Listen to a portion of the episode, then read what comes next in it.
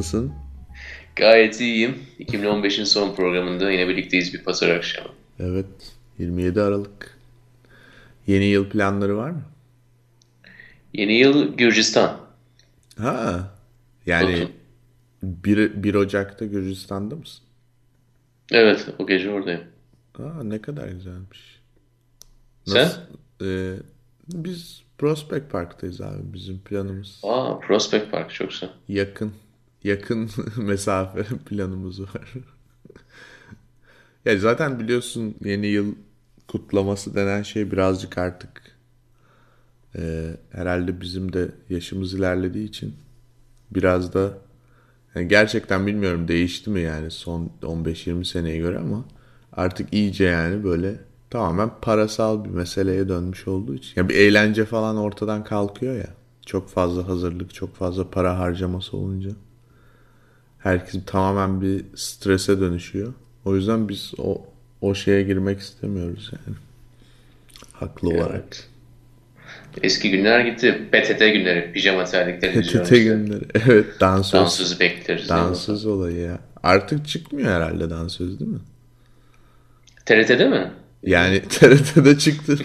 TRT'de kesinlikle çıktığını sanmıyorum da diğer herhangi bir kanalda da belki çıkmıyor olabilir diye düşündüm. Flash TV'de çıkıyordur yine. ya. Evet ya bravo. Orada halay da var. Peki Gürcistan'da nasıl oluyor kutlama? Yani bilmiyorum daha önce girdin mi yılbaşına mı? Yok yani ben de göreceğim işte gidince. Ee, Hopa'ya gideceğim ilk başta. Ee, daha doğrusu Hopa'da havalanı yok. Batum'a gideceğim. Batum'dan bizi servisle Hopa'ya geri götürecekler. Sonra yayan olarak iyi. yani Yani geçeceğiz. yani Gürcistan'a girmek için yeniden Türkiye'ye girip yeniden geri mi gideceksiniz? Aynen öyle olacak. Ve dönüşte de öyle. Batum Havalimanı'ndan e, önce Hopa'ya gidip sonra Batum Havalimanı'na geri dönüp öyle gideceğiz. ya modern dünya ve işte e, ülkeler arasındaki çizgiler böyle şeyler yaptırtıyor. Çok iyi ya. Yani aslında sınırın ne kadar manasız olduğunun bir kanıtı yani orada. Evet işte ama Daha doğrusu vize falan gibi şeyler. Neyse Onurcuğum e, bugün yani tabii ki tarih vesilesiyle de bir de biz genelde podcast'in her sene bu dönemlerinde bu sene neler oldu tarzında bazen konuklu bazen konuksuz bir program yapıyoruz. Yine 2015 için de aynısını yapalım istedik. E, bugünkü konumuz 2015'te neler oldu? Evet, her birimiz esasında üçer tane konuyla geldik 2015 hakkında. Birbirimizin hangi konularla geldiğini de bilmiyoruz. Evet. Ama bunları seçerken de illa e, bu seneyi en iyi tanımlayan üç konu olmasını da düşündüğümüzü zannetmiyorum. E, biraz aklımıza gelen üç konu. Dünyadan, Türkiye'den, Evet, seneyi uzaydan, yer küreden bir yerlerden. Seneyi tanımlamak zaten zor bir şey ya. Böyle genelde gazeteciler şey diyorlar ya 2015 bilmem ne senesiydi falan. Mesela o bana hep garip geliyor çünkü yani birinin tanımı niye başka birine uysun onu çok şey yapamıyorum yani. Yani 2015'te e, umarım öyle şeyler olmamıştır. Yani eminim bir, belli bir insan oldu ama yani hani bir yakınını kaybettiysen senin için odur yani 2015 senesi mesela ya da bir çocuğun doğduysa odur. Niye yani gazetenin dediği gibi fırtınalar senesi falan. Öyle şeyler yani birazcık bizim standartlarımızın dışında o yüzden dediğine katılıyorum. Benim getirdiğim şeyler de yani 2015'i tanımlayan şeyler olmayabilir. Ya evet olayın Benim zaten 2015. ironisi orada. Yani kendimizi bir işte bir topluluk olarak hissetmek için ve daha fazla gazetede satmak veya televizyon izletmek için o seriyi tanımlayacak belli başlı olayları işte birkaça indirgeyip bu bizi tanımladı diyoruz ama esas da tabii ki hepsini aşan şey bize ne oldu işte. Güzel örnekler yani birisinin ölümü veya birisinin doğumu. Ee, herhalde hemen hemen bütün fırtınaları bütün hepsini bir şekilde bir kenara atacak duruma getirir bizi. Evet. Ee, ama öyle öyle bir dünyada yaşıyoruz. Yani hep devamlı bir hikayelere ihtiyacımız var ya. Yani iyi hikayeler veya kötü hikayeler ama işte bir topluluğu topluluk haline sokmak için ve aynı zamanda hani kapitalist dünyada da e, bu sistemin devamı içinde bunlar oluyor ve devamlı da olacak tabii. Narratif. Allah'tan biz tabii kapitalist sistemin dışında bunu yapıyoruz Mahir. Evet. Bedava podcast e, platformlarında bunu gerçekleştiriyoruz. Onun için hiçbir art niyet aramıza gerek yok. Onurcuğum artık uzun senelerdir olan ajandamızı açıkladın yani. Sisteme karşı bir podcast yaptığımızı herkes öğrenmiş oldu. Evet. yani sonunda açıklamam gerekirse Mahir 4 senenin sonunda artık da 2015'te bitiyor. Bugüne kadar Şeffaflık para senesi olsun 2016. bugüne kadar para gönderenlerden özür diliyoruz. Aslında bedavaydı podcast. Ee, Evet ama iyi yerlere gitti. İşte dediğim gibi ben Hoppa'ya gideceğim şimdi bu. Evet. Onur'un seyahatleri Diyarbakır olsun, Hopa olsun, İskenderun, çeşitli yerlerden. Ee, benim gezmelerim olsun. Podcast. Seninkiler daha internasyonel. Singapur falan yani. Ben Evet. en azından Ama hep Diyarbakır, ucuz. Samsun falan gördüm. Hep ucuz biletle gittim inan. Öyle mi? İyi kullandın yani. Evet. Hmm. Hep ekonomik ve zamanında aldığım için ucuza gezdim yani. O zaman takipçilere selam olsun buradan. Evet. Boş, boşa gitmedi mangırlar. Evet, o zaman bedava e, yaptığımız bu yayında 2015'in en önemli konularının e, bizim için önemli konularını konuşmaya başlayalım Onur. Ben mi başlayayım, sen mi başlarsın? Başla. E, benim için birinci aslında senin bu e, hikayelere ihtiyacımız var dedin ya. Evet. Bu düşündüğüm konular biraz böyle bunlarla ilgiliydi. O yüzden güzel güzel bir açılış oldu. Ee, benim için birinci 2015'te ortaya çıkan ve en çok e, ilgi yaratan hikayelerden biri Mars'ta suyun bulunmasıydı. Daha doğrusu biliyorsun ki su bulunmadı aslında yani su su yapabileceğimizi düşündüğümüz e, bir takım su damlacıkları bulundu buz halinde. Ee, şimdi bunu niye önemsiyorum? Bunu şundan önemsiyorum. Aslında 2015 senesinde bir de biliyorsun Marslı filmi e, Ridley Scott'ın yönettiği. O film tam çıkmadan önce açıklandı bir de bu su olayı.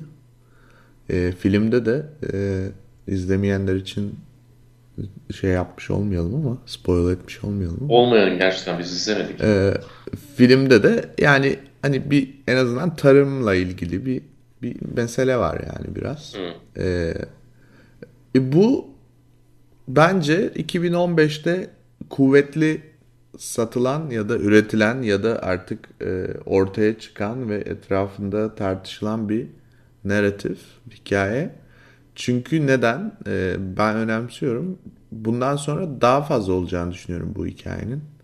E, zaten çok çok çok uzun bir yazı yayınlandı yani bu Mars'ta suyun bulunması neye sebep veriyor diye. Aslında hiçbir şeye sebep vermiyor. Yani Mars'ta suyun bulunmuş olması demek biz hemen Mars'a gidip orada yaşamaya başlayabiliriz falan demek gibi bir şey kesinlikle değil.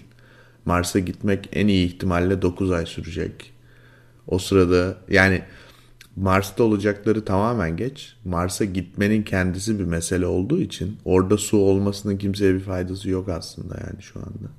O Ayrıca zaman yani senin bu hikayeyi seçmenin ana nedeni bu ben şu ana bütün nedeni- insanlığı ilgilendiren bir hikaye olduğu için. Ana nedeni şu evet. Bir dünya gerçekten yani e, narratif döngüsü açısından Mars'ın öne çıkıyor olması artık yani gidilebilecek bir yer yani gidilebilecek başka bir yer. Yani bu bu narratif zaten çok uzun süredir yani science fiction olarak var ama şimdi daha da somutlaşıyor ve insanın tutunacak bir dalı yani dünyada olanlar insanların durumu, iklimin durumu vesaire karşısında tutunacak dal ne? Mars. Yani şu anda çok uzakta hala bir ihtimal olarak ama eğer ki su yoksaydı, olmasaydı yani hiç bu buz tanecikleri bile olmasaydı o zaman bir umut yoktu. O buz taneciklerine bağlanmış yani hani pamuk ipliğine bağlı bir umut var şimdi orada ve o benim hoşuma gidiyor. İnsanların hep böyle genel olarak bu tip şeylere bağlanıp e, yani küçücük bir şeyden e, çok başka dünyalar yaratabileceklerine inanıyorum. En azından yani hani bunun tamamıyla e, maddi ve politik boyutunu geçersek yani bir çocuğun şu anda Mars'ta yaşamayı hayal etmesi benim hoşuma gidiyor. 2015'te bunun da çok tartışması oldu. O yüzden e, seçtiğim ilk konu Mars. Mars'ta suyun bulunması. Mahir güzel bir konu seçmişsin. Ee, Mars'ta kızıl gezegende suyun bulunması hakkında. Tabii bu haber NASA'dan verildikten sonra e, birçok firma da bunu reklam kampanyaları içerisinde kullanmaya başladı. Kampanya demeyelim de yani tweetleri içerisinde bunu kullanmaya başladılar. Sana birkaç tanesini okumak istiyorum. Tatil.com Mars'ın en güzel otelleri yakında tatil.com'da. Real hipermarket. Önce küçüklerden başladım. Su almak için Mars'a kadar yorulmayın. yani Oy. amatörü de var, profesyonel de var tabii. Bence bu iyiymiş. Sprite Türkiye. Mars'ta Sprite bulamadı, bulamadıysanız bizim için hiçbir anlamı yok. Su olsa ne olur diyor. Yani. yani yemek sepeti, Kia, Xbox Türkiye, GE, Dunkek. Hı hı. E, Dunkek'in linkini ben beğeniyorum. E, hashtag Mars'ta su bulundu. Un, yumurta, çikolata da lazım. Kekin var olması için daha yolun başındayız demiş. Ondan sonra da hashtag NASA şeklinde. Evet gerçekten e, tahayyülümüzde Mars'a gidebilme, e, bunun pratikte gerçekleşip gerçekleşmeyeceği çok önemli değil ama tahayyülümüze girmesi zaten hı hı. galiba insanları birleştirici bir unsur oluyor. E, yani, güzel, güzel bir hikaye. Gerçekten 2015'in saygıdeğer hikayelerinden bir tanesi. Evet. Bir de bu gerçekleşebilme olayı yani ben şöyle düşünüyorum açıkçası biraz okudum yani bu konuyla ilgili olarak ve hani sadece programda önce değil genel bu sene içerisinde diyorum. Ee, yani mümkün ama çok çok çok çok zor. Yani tamam bunu söylemiyoruz zaten. Önemli olan mümkün olması. Evet. Bütün zaten biliyorsun yani eski hikayelerde de öyledir ya ufukta görürsün ama oraya ulaşmak için çok dikenli bir yol vardır ama önemli evet. olan onun ufukta kaybolmamasıdır. Hala orada olmasıdır. Bu da zaten hani bir şekilde bizi kamçılayan bir şey haline geliyor. Evet. Ee, ben de fazla bunun realitesi pek çok ilgilendirmiyor böyle. İnsanları biraz hareketlendirmiş olması galiba evet. şu an için yeterli. Ben kendi konuma geçiyorum. Birinci evet. konum. Nedir? Ee, sende var mı bilmiyorum ama e, 2015 yılında 1 milyon kişinin e, Avrupa'ya iltica etmiş olması. evet tabii ki. Yoksa yani... iki numara mıydı? Yedekleri kullanmaya başlayabilirsin. Sen şimdiden düşün. Yani bir yıl önce de bu vardı tabii. 2014'te de 250 bin kişi e, iltica etti. Ama e, olay esas da bir hani e, göçmenlik kelimesini kullanmayacağım ben. Mülteci. Mülteci olmak ne anlama geliyor? Ve bunun hani 2014'te 250'den 4 katına çıkmış olması, bu yolculuklar sırasında yaklaşık 4000 kişinin ölmüş olması, 2015 istatistikleriyle esas da 250'de bir bir şans var. Ve düşündüğün zaman yalnızca 250'de bir bir şansla hayatımı kaybedebilirim ben ve ailem. Demek ki yani büyük ihtimalle bunu yapabileceğiz. Yani insanların esas da o adımı atıyor olmasına çok da şaşırmıyor olmak lazım. Çünkü öncesinde zaten elinde olanlar belli. Nereden kaçtığı belli. Hangi tür cehennemden kaçtığı belli. Ee, eğer en azından bu istatistiklere bakırsan da herhalde bu yolculuğu yapmalarına insanları, milyonlarca insanı yapmayı düşünmesini ve bir milyon insanın yapıp gerçekleştirmesine çok da şaşırmamak lazım. Ee, bu konu hakkında çok şey söylenebilir tabii.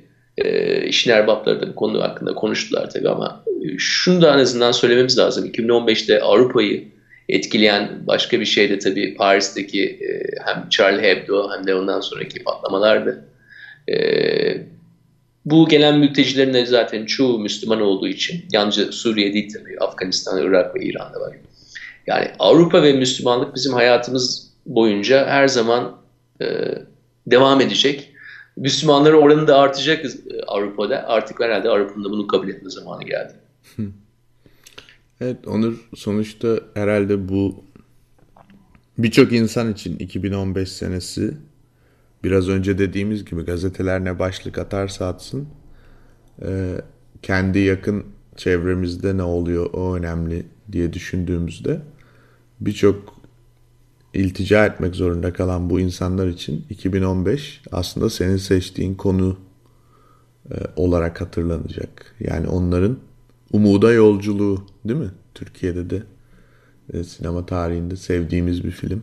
Yani her ne kadar konu motivasyonlar aynı olmasa da Avrupa'da bir umut var ve ona bir yolculuk var.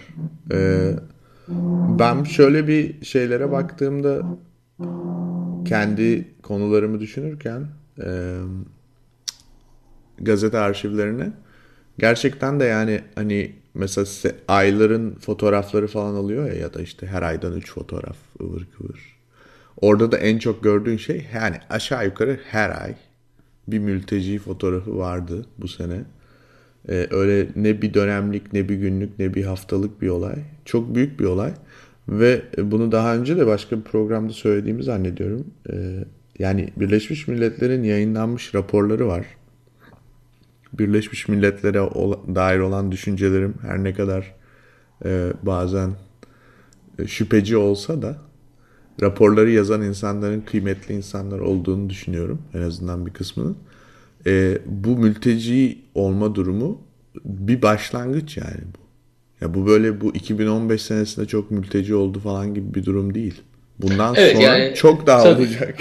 Artık bir trend olacak. Yani zaten program başında dediğimiz gibi e, ulusal çizgilerin anlamı e, yani yine aynı terimi kullanacağım. Bizim hayatımız boyunca bunun anlamı üzerine konuşmaya devam edeceğiz. Bu ne anlama geliyor? Tabii teknoloji ve e, işte dünyanın herhangi bir yerine iki saniyede istediğin kadar para gönderebilmen veya dünyanın herhangi bir yerine işte yine bir iki senede istediğin mesajı gönderebilmen yani teknolojik ve ekonomik anlamda böyle bir birlik varken e, aradaki farklılıklar arasında insanlar bu kadar da e, aşinayken, bu kadar fazla bilgiye sahipken herhalde yani artık ulusal koridorların ne anlama geldiği konusunda da büyük bir transformasyon yaşayacağız.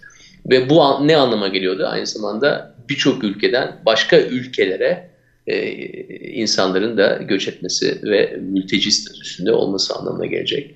E, ya bu daha başlangıç gerçekten daha başlangıç. Evet. E, Birçok fotoğraf vardı bu konuda ama ben e, benim en favori fotoğrafım o Macaristan'da olan mı hani e, evet, bir sınırda kameraman e, çelme atıyor şey futbol evet. antrenörüne. Evet. Bir Herhalde de... yılın en güzel, e, en açıklayıcı videolarından bir tanesi. evet, yani özellikle senin dediğin gibi Avrupa ve mülteci şeyi olduğunu e, yani ikisini birlikte değerlendirirsek xenofobya, mülteciler, İslam, Avrupa en birazcık da ironik olarak en manalı video o. Video. Sende ne var iki numarada? Ee, benimki geçmeden önce ben de hani fotoğraf ve imaj olayında bir şey söylemek istiyorum. 2015 e, yani tabii ki Aylan bebeğin fotoğrafı Eylül'ün başında yayınlanmıştı.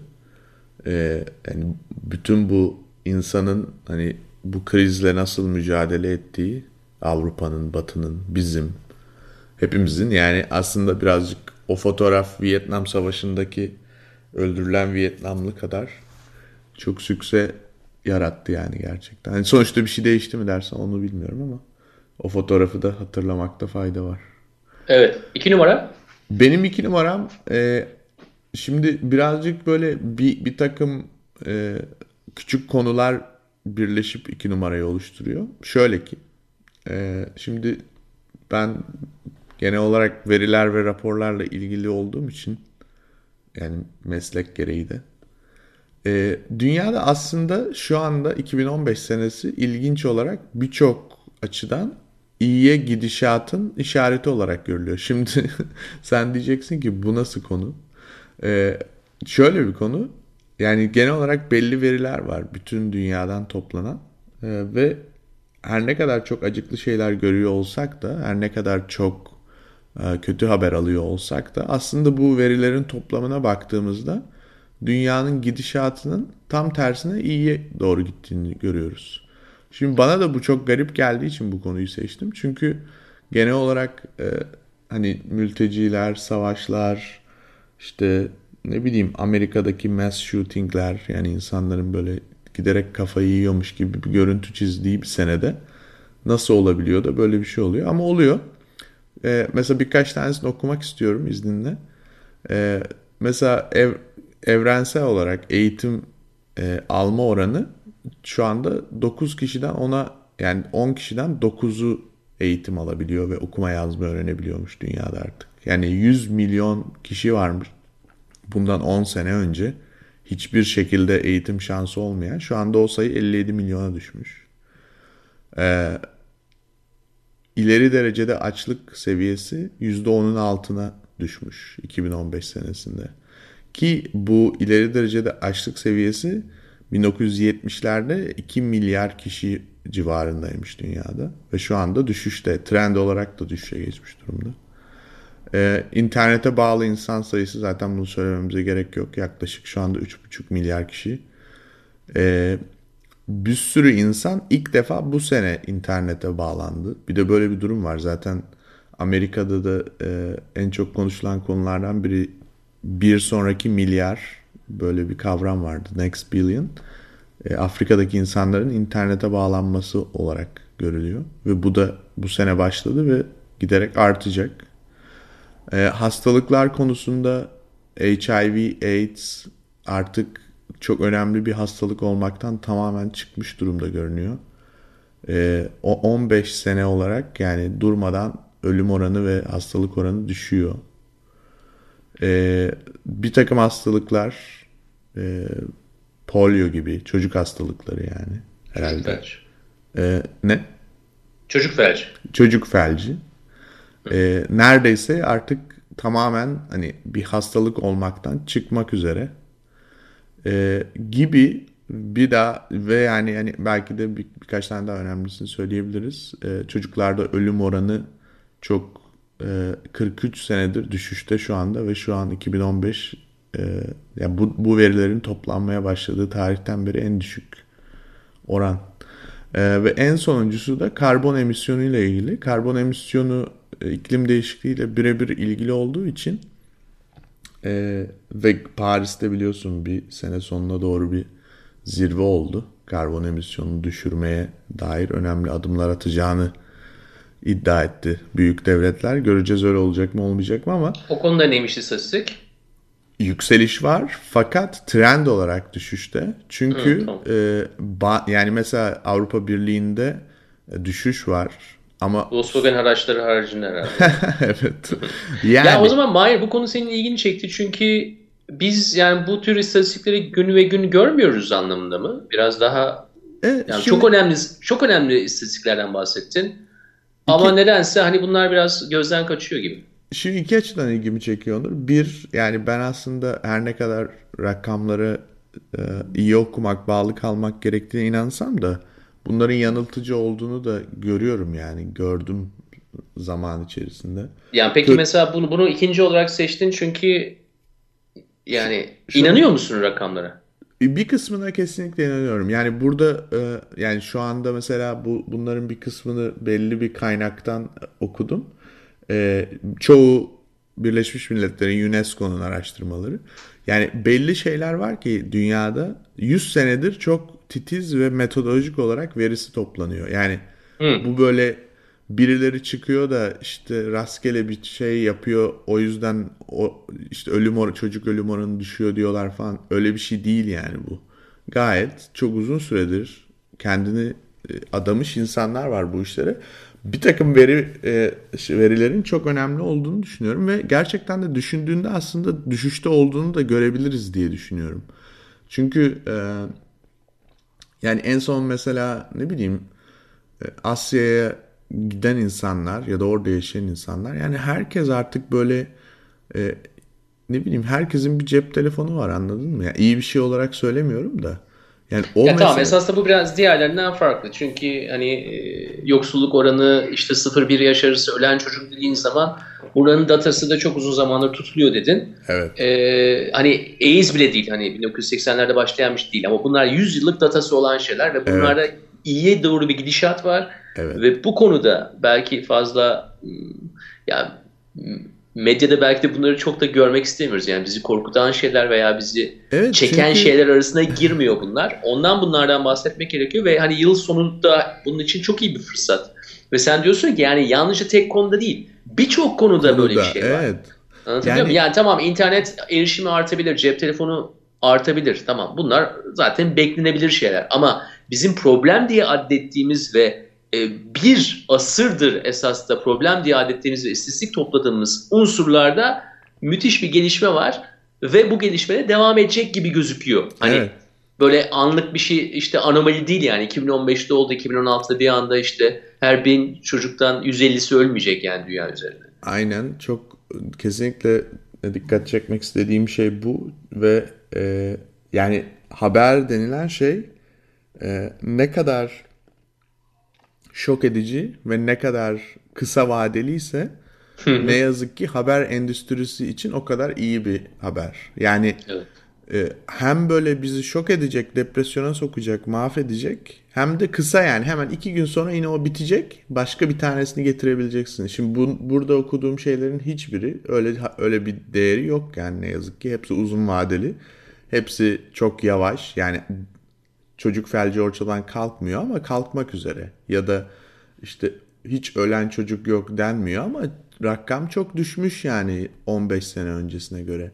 E şimdi bunlar bunlar güzel şeyler yani genel olarak en azından ne yazık ki herkese olmasa dahi demek ki dünyadaki birçok insanın hayatının gidişatı az da olsa iyi yönde ilerliyor.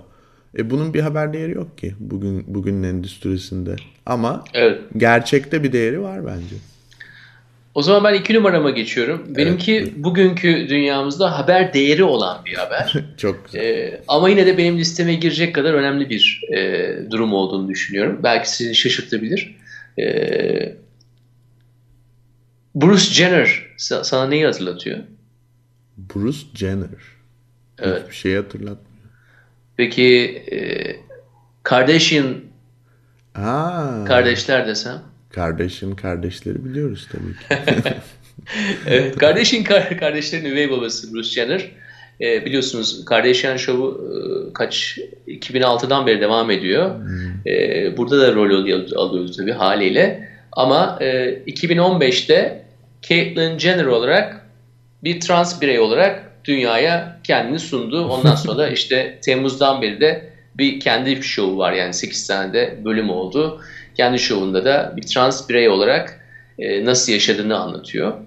E, neden bu konuyu seçtim? Biraz ondan bahsedeyim. Bir, e, tabii bu kişi yalnızca kardeşimlerin babası olarak bilinmiyordu. Yani biz 80'lerde bir dekatlon mesela ben çok Hmm. sevdiğim bir spor dekatlon çünkü e, 10 tane sporu aynı anda yapıyorsun değil mi? E, olimpiyatlarda yarışmıştı Bruce Jenner. E, o zamanlardan bile biliyorum. E, ve e, zaten böyle bir söylenti var işte e, biraz cross dressing yapıyor yani kadın kıyafetleri giyiyor böyle bir fısıltı var. Ama 2015'te yani ortaya çıkışı bunun sunulmasında öyle bir profesyonellik ve aynı zamanda öyle bir ilham verici bir durum var ki bunu iki numarama koymayı seçtim.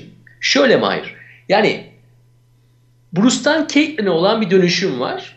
Ama bunun çok iyi idare edilmesi lazım. Çünkü sonuçta çok medyatik bir insan ne yapıyor? İşte hepimiz biliyoruz bir halkla ilişkilerci buluyor. Halkla ilişkilerci bunun hangi mecralarda nasıl yapılacağını şey yapıyor. İşte Vanity Fair'de resmi çıkıyor. Vanity Fair'de olduğu zaman tabii en iyi fotoğrafçılarla çalışılacak. En iyi fotoğraflarla çalışıldığı zaman da e, güzel gözükecek. Yani güzel gözükmesinin de bir anlamı var dünyamızda tabii. Bu tür transformasyonlarda hep düşünülüyor işte ya ucube bir şey mi çıkacak? E, yani neden bunu yapıyorlar? İşte zaten çok çirkin oluyor. Yani değil mi? Bu tür algılar çok önemli esasda. Evet. Ama konunun özü yalnızca bence insanın e, şöyle açıklayayım sana. Neden bana ilham veriyor biliyor musun? Yani doğduğun anda olan ilk e, bilinen özellik. Hatta doğmadan önce bile biliyorsun. Yani cinsiyeti 4,5 ay gibi artık tamamen 4 ay gibi bilmeye başlıyorsun değil mi? Bunun bile bir hayat dilimi içerisinde değişebilir olması ve bunun, bu konuda insanların kontrolünde olması ve karar verebilmeleri veya o adımı atabilmeleri e, bu tür transformasyonlardan geçebilecek birçok birçok başka e, yerlerde de bunun mümkün olabileceğini gösteriyor bana. Yani insanın cinsiyetinde öyle bir karar alabilmesi bunun demek ki bambaşka alanlarda biz işte kendimizi hapsolduğumuz yerlerde esas da hala bir şansımızın olduğunu bize hatırlatıyor. Aa diyeceksin ki ya olur Hollywood hikayesi mi yazıyorsun? İşte her zaman bir şansın var. işte istediğini elde edebilirsin. Her şey senin elinde. Ya illa öyle değil tabii. Her şey senin de elinde değil. Ama eğer o konuda müthiş sende bir güdü varsa o tarafa gitmek istiyorsan bu ne olursa olsun dediğim gibi cinsiyet değişimi olması gerekmiyor. Bunun sonucunda gidebilmek için bazı olanakların sana sunulabileceği ve senin gibi diğer insanların var olduğunu bilmek ne kadar romantik derseniz deyin, ne kadar Hollywood filmi vari derseniz deyin bence insanlar için önemli. Senin benim için önemli olması değil, bence insanlar için önemli olması e, beni iki numaraya itti burada. E, New York Times'da çok güzel bir haber vardı. E, işte e, bu yeni şovda da Temmuz'dan itibaren yayınlanan Caitlyn Jenner'ın e, programında da bir isim değiştirme seremonisi oluyor. Yani birçok insanın belki o hormonlara erişemiyorlar veya o ameliyatları yapacak paraları olmuyor veya devletler bu konuda onlara e, süspansiyon yapmıyor olabilir. Ama isim değiştirmek bedava yapabileceğim bir şey ve bunu seremonileştirmek tekrar söylüyorum bunu e, e, ucuzlaştırmak, bunun komik olduğunu düşünmek veya işte insan insan yapısı bir şey olduğunu düşünmek. Aa işte seremoni yapıyorlar işte e, isim değiştirme seremonisi. Ne olursa olsun öyle düşünülebilir ama şuna bakmak lazım. İnsanlara güç veren neyse bunun ortada olması ve ortada olurken de biraz önce bahsettiğimiz kapitalist ve popülist dünya içerisinde bunun en azından ekranlara gelmesi bence hani Kardashian'ın e, ünlü bir tarihçimizin dediği gibi yani Kardashian'ın poposunu koyuyorsunuz bunu da koyuyorsunuz. e, bu da yani bence onun yanında bir e, yeri olduğunu düşünüyorum ve popüler kültür günümüzde yani 2015'te e, ne kadar önemliyse, celebrity kültür ne kadar önemliyse herhalde bir bu şovu biz 10 yıl sonra yapınca hatta çok çok daha önemli olacaktır. Onun için bunu da bir nasıl dinleri bir güç olarak kabul ediyoruz. Yani dinlere inanmamız gerekmiyor onları bir güç, güç olarak kabul etmemiz için. Ve ne kadar büyük bir varlıkları olduğunu ve insanları nasıl etkilediklerini nasıl kabul ediyorsak popüler kültür ve televizyon dünyasını ve oradaki karakterleri ve ondaki karakterlerine nasıl ilham verici olabileceğini de kabul etmemiz gerekiyor. Evet. Onur e, bence güzel bir konu. E, birazcık da aslında benim listeme alamadığım konulardan birine eşlik eden bir konu. Biliyorsun Amerika'da e, eşcinsel evliliği yasalaştı bu sene aynı zamanda. O yüzden insanların cinsel kimlikleri kendilerini ifade edebilmeleri ve kendilerinin ne olduğuna kendilerinin karar verebilmesi ve bunun toplum tarafından saygıyla karşılanması adına e, önemli bir seneydi 2015. O yüzden e, ve daha tabii ki bireysel birini seçmiş olman da daha güzel. E, yani o e, arkasındaki hikayeyle birlikte güzel bir detay bir e, narratif bulmuş. benim benim son konum Evet 3 numara. E, belki şaşıracaksın, belki önemsiz bulacaksın ama bence çok önemli. E, iki açıdan çok önemli. Bir zamanlaması, iki içeriği. E, 18, Merakla bekliyorum hayır. 18 evet. Aralık'ta Amerikan parlamentosunda CISA diye bir e, kanun çıktı. Şimdi büyük ihtimalle onaylanacak ve yasalaşacak. Bu kanunun ismi Cyber Security Information Sharing Act. Ee, daha önce biz çok konuşmuştuk. SOPA, PIPA. Evet. Ee, bu CISA'nın başka bir versiyonu da vardı daha önceden geçirmeye çalıştıkları. Bunu e, gerçekten e, hani abartmak için söylemiyorum. Türkiye'de de gördüğümüz gibi torba yasa gibi bir şekilde e, Christmas'tan sadece birkaç gün önce 18 Aralık'ta geçirdiler. E, çok önemli bir kanun. E, içeriği, Nedir içeriği? E, içeriği şu, özetlemek gerekirse yani bir sürü detay var ama e, ben bir devlet kurumu olarak diyorum ki bu vatandaş bence bir şüpheli. Bu ne, yap, ne yapmışsa, ne etmişse bana elinizde ne varsa bütün bilgi bunu vereceksiniz diyorum. Ve e, şirketler bunu bana veriyorlar. Aynı zamanda e, eğer ki böyle bir altyapıları yoksa bundan sonra o altyapıyı da kurmak üzerine mükellefler. Yani şimdi sen bir startupsın Amerika'da çalışan. Sosyal network yapıyorsun mesela. insanların kendi düşüncelerini ifade edebildiği bir şey yapıyorsun. E, ama kimseyi track falan etmiyorsun. Bu kanundan sonra hükümet sana gelip senin sitende şöyle bir adam varmış bunun bilgilerini bize ver dediğinde sen dersen ki ben ama bir şey kaydetmiyorum ki bu adama dair dersen o zaman öyle bir şey yok kaydedeceksin diyor. Yani tamamıyla aslında bütün o e, son senelerde olan tartışmanın e, ne yazık ki kanunlaştığı ve bu sefer e, böyle internetin de tepkisini vermekte bir şekilde pununa hmm. geldiği bir anda olduğunu düşünüyorum. Noel öncesi olduğu için mi olmuş acaba şey? Valla burada çeşitli Noel arasına koymuşlar. Çeşitli teoriler var. Ee, yeni bir olay olduğu için çok da fazla e, şey olmadı yani sansasyon olmadı ama ben önümüzdeki senenin en önemli konularından biri olacağını düşünüyorum. Özellikle pratik olarak örneklerini görmeye başlarsak. E, fakat en büyük teorilerden biri Facebook'un aslında gizlice bunu desteklediği ile ilgili. E, buna dair e, yani Snowden bile tweet attı. E, özellikle bunu dikkat çekti yani. E, Facebook secretly backing Senate zombie CISA surveillance bill diye. E, çok önemli bir durum. Yani şu açıdan önemli olduğunu düşünüyorum. Çünkü bu ya artık dediğimiz gibi iletişim ve kültür, politika, haber yani insanın sosyal varlığına dair olan birçok şey dijital ortamda yaşanıyor ya da gerçek hayatta yaşananın en azından dijital bir yansıması var. Bunların bu tip kanunlarla bir ya da birden fazla devletin kontrolü, denetimi, gözetlemesi altına alınmaya çalışılması bana sorarsan benim hayatımın en azından ikinci yarısının en büyük konularından biri olacağını düşünüyorum. Hani devletlerin bunun peşini bırakacağını zannetmiyorum. İnsanların da buna karşı mücadele etmeyi bırakmaması gerekiyor. E, çünkü e, yani aynen nasıl ki gerçek hayatta bütün yaptıklarımız, bütün hareketlerimiz fiziksel olarak başımızda polis dikilerek kontrol edilseydi nasıl ki özgür bir toplumda yaşayamazsak aynı şekilde aynı şeyin dijital hayat için de geçerli olduğunu düşünüyorum. E, umuyorum yani bu buna karşı bir tepki en azından sene başında oluşmaya başlayacaktır.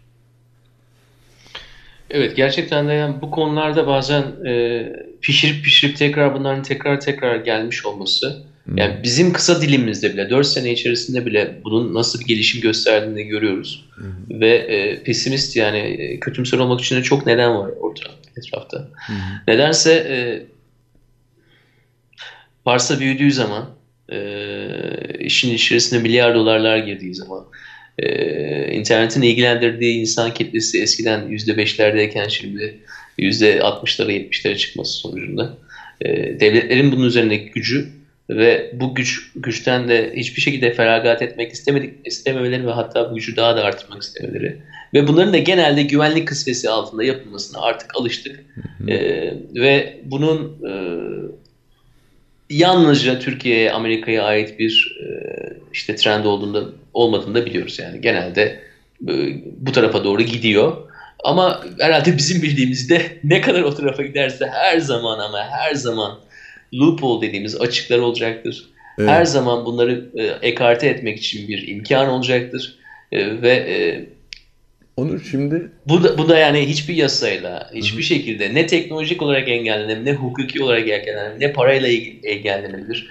E, her zaman o açıklar olacaktır ve olmaya devam edecektir. Söylediğin şey çok önemli. Fazla uzatmak istemiyorum senin son konuna geçelim ama ee, yani dediğin gibi Amerika bu tip bir şeyin ekonomisini kurmak istiyor aslında. Yani gözetlemek işin bir kısmı, diğer kısmı bu tip bir sistemin ekonomisini kurup daha sonra bunu export edecek. Yani her zaman olan şey aslında. O yüzden ama o export edilen ülkelerde, ihraç edilen ülkelerde o sistemler ne kadar vahşi bir şekilde kullanılır onu hep birlikte görürüz. Yani işin tehlikeli kısmı o birazcık. Yani böyle bir sistemi Danimarka'ya satsa bile Danimarka bütün halkını gözetlese bile oranın kültürü ve oranın yapısıyla ilgili olarak hareketler yapabilir. Yani tamamıyla birdenbire e, Çin'e dönüşmez yani Danimarka anlatabiliyor muyum? Ama e, bunu başka bir Türkmenistan'a sattığında ne olacak? Yani oradaki insanların özgürlükleri açısından e, büyük sıkıntılar oralarda diye düşünüyorum. Evet ya bence her ikisinde de esasında büyük sıkıntı var. Çünkü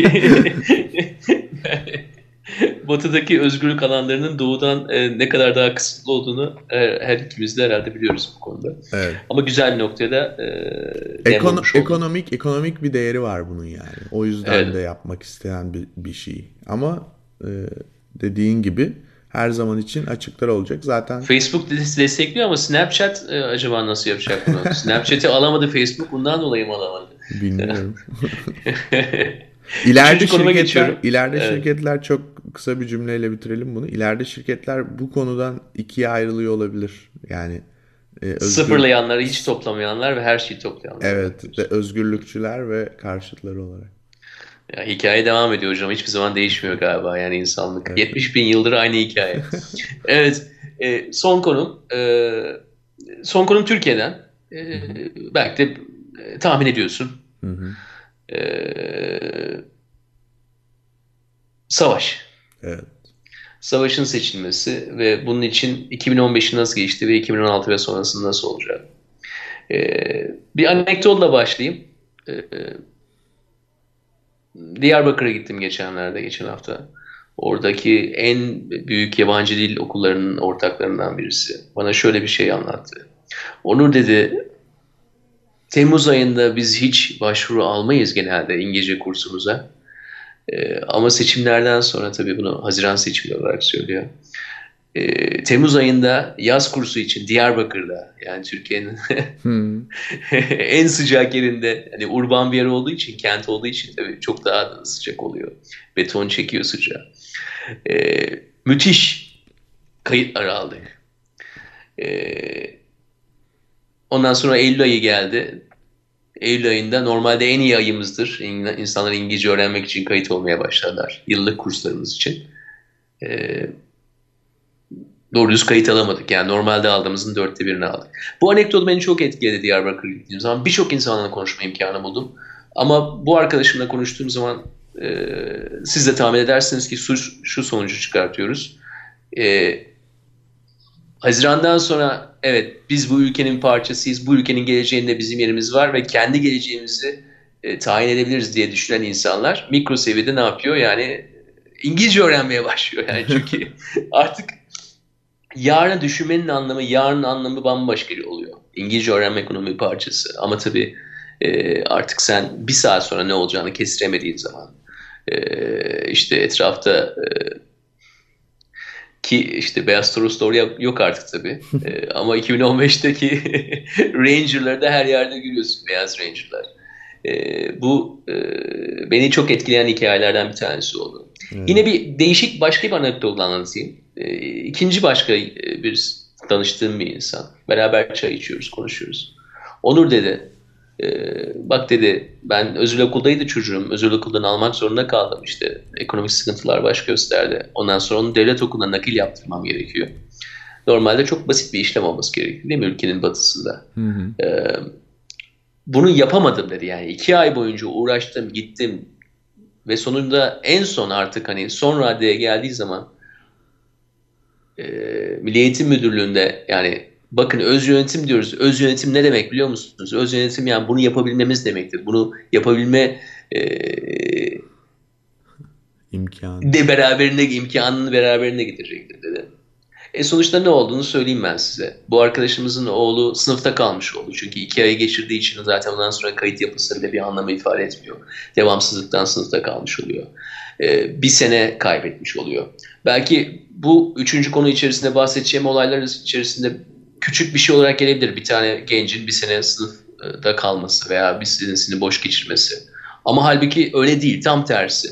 Düşünsenize siz 16 yaşındasınız ve böyle basit bir bürokratik nedenden dolayı ve yalnızca ülkenin doğusunda yaşadığınız için böyle bir şeyin olması ve bundan dolayı sizin bir senenizde artık iki gün üç gün YouTube videosu izlersin ama ondan sonra ne yapacaksın? Düşünsene. Yani e,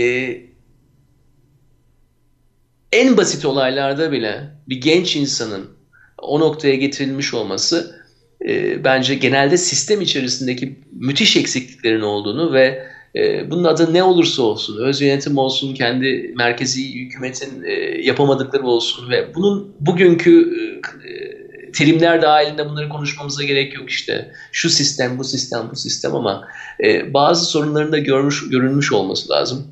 Ve e, geçen günkü programımızda işte kardeşlik teriminden bahsetmiştik. Kardeşlik nedir? Hmm. İşte kardeşlik kelimesinin işte piç edilmesi zamanla. Ee, aynı zamanda şunu da söyleyelim. İşte halk bir tarafta, örgüt bir tarafta. ikisi birbirinden çok ayrı şeyler gibi bence lafları da herhalde bir tarafa bırakmamız lazım. Genelde bir problem var. Genelde merkezi hükümetin ver, verdiği sözleri yerine getirememesi ve bunun yaklaşık 100 yıldır devam etmesi var.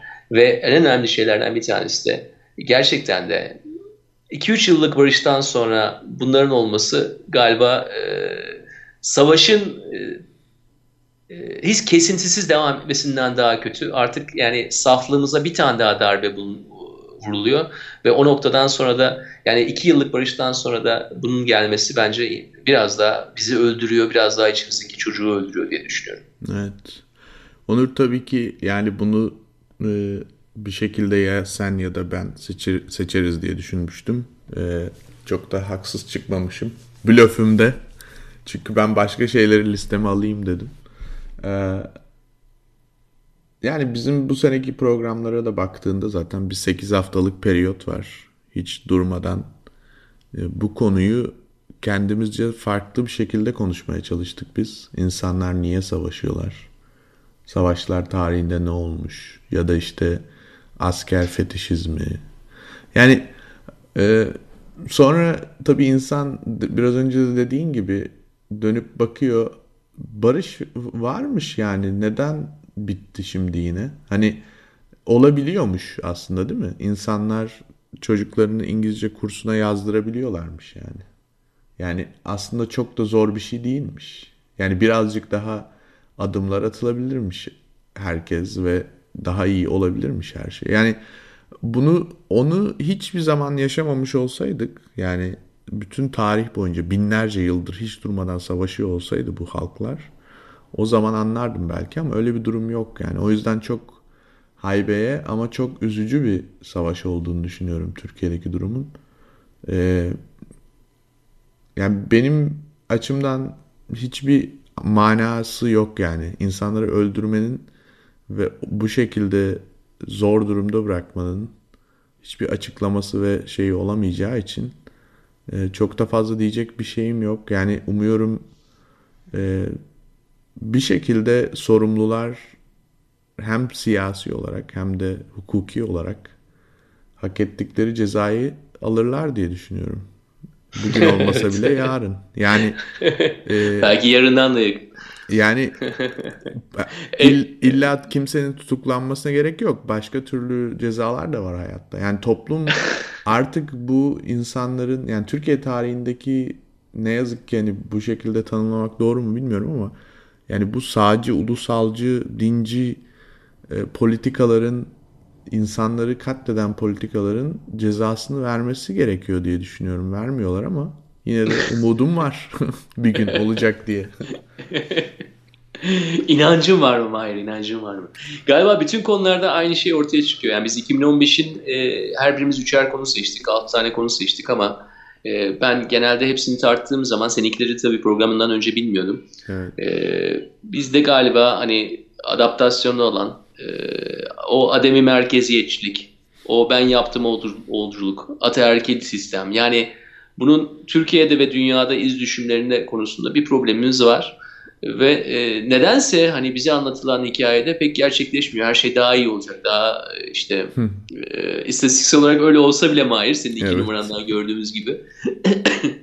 Olayın esas da biraz daha e, sayısal değil de diğer tarafında yani anlayış tarafında her zaman da böyle iyiye kötüye e, gidiş değil de biraz ortada bir yerdeyiz ve biraz zigzaglar çiziyoruz.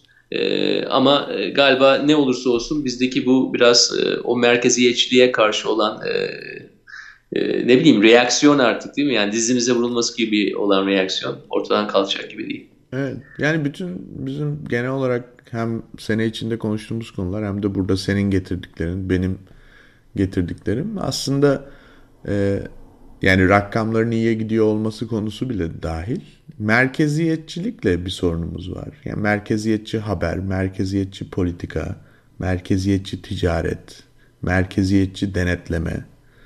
Yani insanların en azından hani ben kendi adıma konuşayım istedikleri gibi yaşaması ve e, kendi özgürlüklerinin, hayatlarının tadını çıkarmasını istiyoruz her alanda. Yani çok da bir şey istemiyoruz aslında. Yok bence çok şey istemiyoruz. Ne var Prospect Park'ta yılbaşında?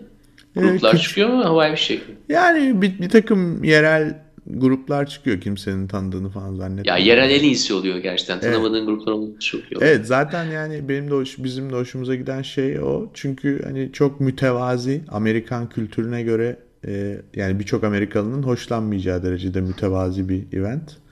E işte birkaç kişi çıkıyor. İşte Brooklyn e, mayor'ı geliyor. Belki de Blasio falan da gelir. O da oralara yakın oturduğu için bir iki bir şey söylüyor. O da çok fazla uzatsın istemiyor zaten. Kimse politikacı dinlemek falan da istemiyorlar. Sonra havai fişek. Bir de işte tabii polisler de hani şampanya falan içiyorsan ona göz yumuyorlar. Öyle güzel bir gece.